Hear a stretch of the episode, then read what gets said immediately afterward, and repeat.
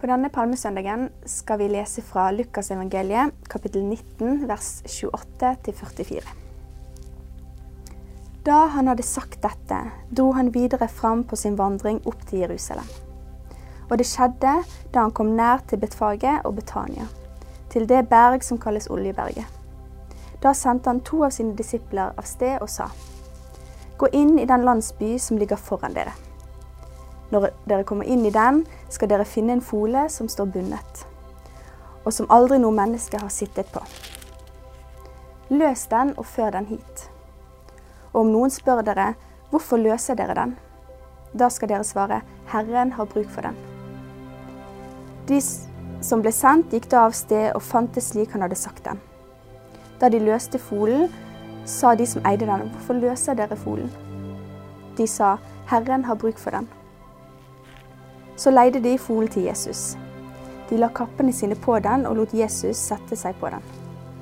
Og som han nå drog frem, bredte folk kappene sine ut på veien.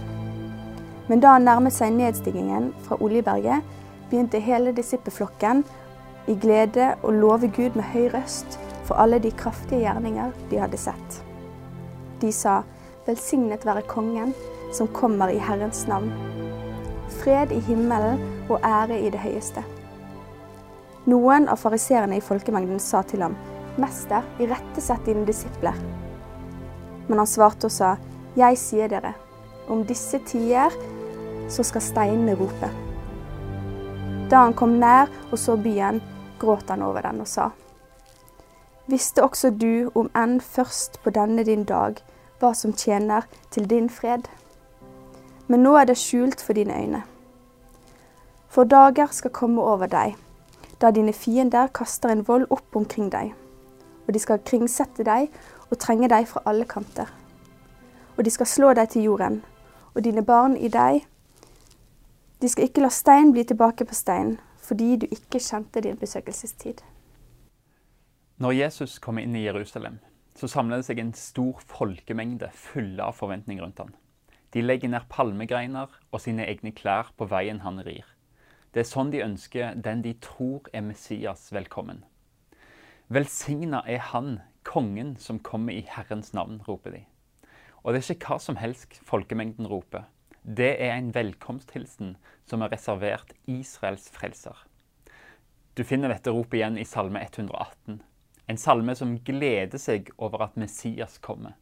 Folkemengden bekjenner med dette ropet troen på at Jesus er Messias. Fariseerne ber Jesus om å få en slutt på dette bekjennelsesropet fra folkemengden. Men Jesu respons viser at han er bevisst på hvem han er. Skaperverket er bevisst på hvem han er. Om folket tier, så vil steinene rope. Han er Guds utsendte Messias og han er kommet for å frelse sitt folk. Lukas forteller oss òg at mens Jesus hylles som Messias, så begynner han å gråte. Menneskelig sett er dette høydepunktet i Jesu virke, og så gråter han. Hvorfor? Jeg tror det er fordi Jesus ser at han er misforstått. Han var, slik som profeten Zakaria sier det, kommet for å skape fred. Men Jesus vil ikke sette oss fri fra verdslige problemer og okkupasjoner. Han ville gi oss åndelig fred med Gud.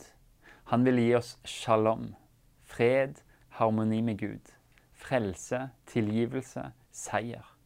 Shalom det handler om at hjertet ditt blir satt sammen riktig av Gud. Min fred etterlater jeg dere. Min fred gir jeg dere. Ikke den fred som verden gir.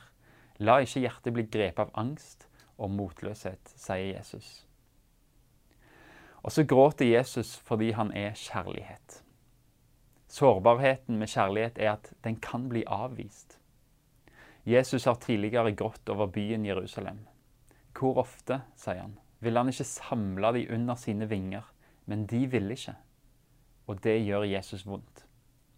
For Jesus vet at de som ikke kommer til han, de må rammes av hans dom.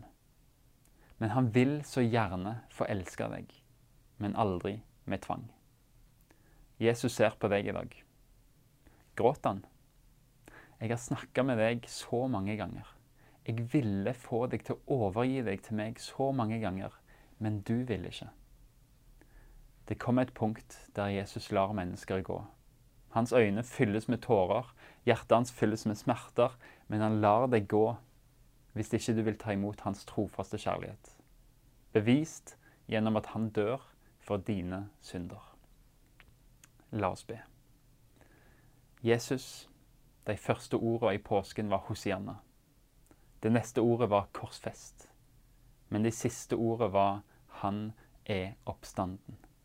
Jeg priser deg og tilber deg og opphøyer deg, du konge over dødens makt. Takk for at du er kongen som er rettferdig og rik på seier. Og takk for at du kommer ridende til meg. La meg få drikke av det levende vann du gir meg, og ikke av mine brønner som lekker. Takk for at du vil ta meg under dine vinger. Hold meg fast der, og når jeg ikke sjøl makter å holde meg fast i deg. Du er kongen jeg vil tjene men min vilje vil det ofte annerledes. Så Herre, la din vilje skje i mitt liv. Amen.